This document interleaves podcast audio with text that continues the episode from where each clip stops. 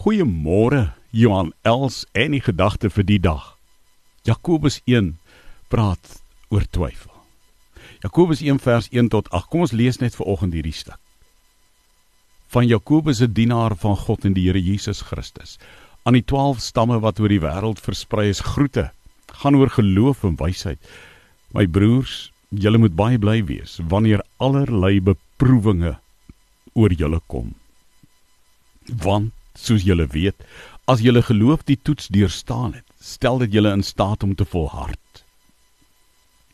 En die volharding moet end uit volgehou word sodat julle tot volle geestelike rypheid kan kom sonder enige tekortkoming.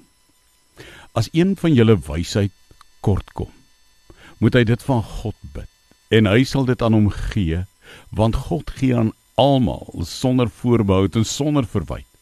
Maar as 'n mens moet ons gelowig bid en nie twyfel. Want iemand wat twyfel is soos 'n brander in die see wat deur die wind aangejaag heen en weer gedryf word.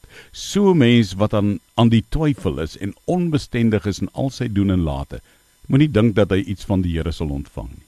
Hm? Nog 'n harde woord wat Jakobus hier gee oor twyfel.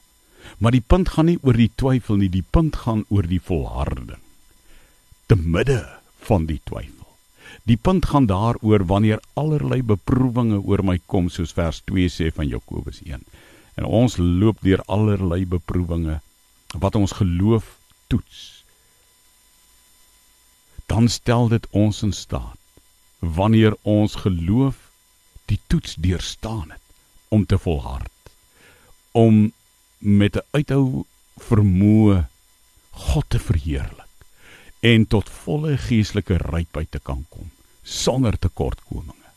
Here, ek gee my twyfel 'n adres aan U vanmôre.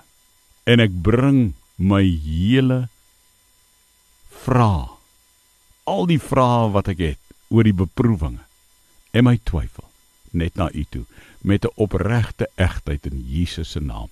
Dankie dat ek oop en eerlik met U kan wees. Gee my die krag om te volhard.